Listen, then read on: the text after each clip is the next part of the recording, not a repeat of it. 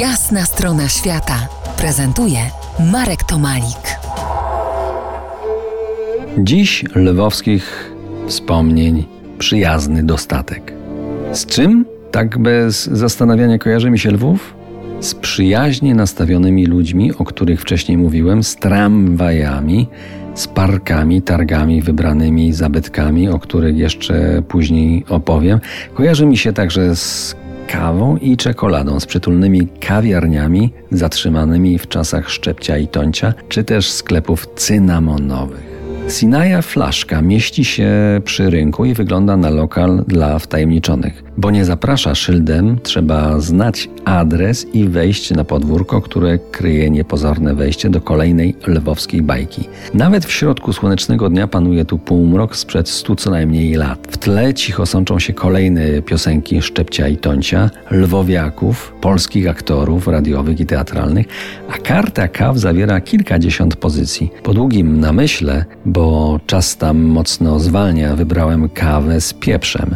Od pieprzu jestem chyba uzależniony, ale nigdy wcześniej nie piłem go z kawą. Mimo wszystko to była bardzo awangardowa propozycja smakowa, ale z pysznym sernikiem weszła łagodnie w tej samej fazie, że się tak wyrażę.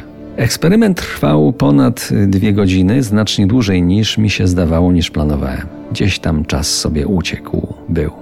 Kawiarnię Sinaja Flaszka zapamiętałem najmocniej, ale w okolicach rynku czai się więcej takich pokus, takich niewielkich na kilka osób z tygielkami kawy utrzymującymi temperaturę w piaskowych parkingach na ladzie. We wszystkich tych kawiarniach pachniało starym rzemiosłem, tradycją kilku, może kilkunastu nawet pokoleń, choć może nie wszystkie takie stare w rzeczywistości były. Bajki mają swe wątki także w podwórkach, trzeba tylko uchylić im drzwi. Tak też robiłem, chodząc na chwilę to tu, to tam. Biednie, jak z moich wspomnień z dzieciństwa z lat 70., ale wszystkie podwórka były wysprzątane i pozbawione przykrych dla nosa zapachu. Ta najbardziej lwowska bajka miała jednak nie smak kawy, a czekolady. Na rogu ulic Ruskiej i Fedorowa jest Złoty Dukat, pijalnia czekolady. Schodzi się po schodkach w dół, a potem od lady na lewo do salki głównej, która wydaje się duża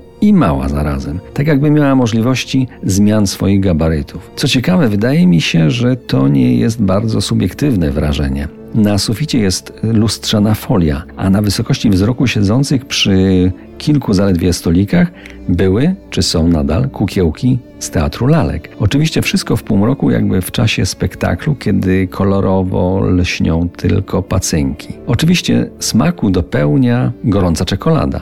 Najlepsza, jaką kiedykolwiek otrzymało moje podniebienie. Kobaltowe niebo w gębie i kobaltowe dookoła głowy. Za kilkanaście minut zabiorę Was na przejażdżkę po Lwowie, tylko we Lwowie i tylko tramwajem. To jest jasna strona świata w RMS Classic.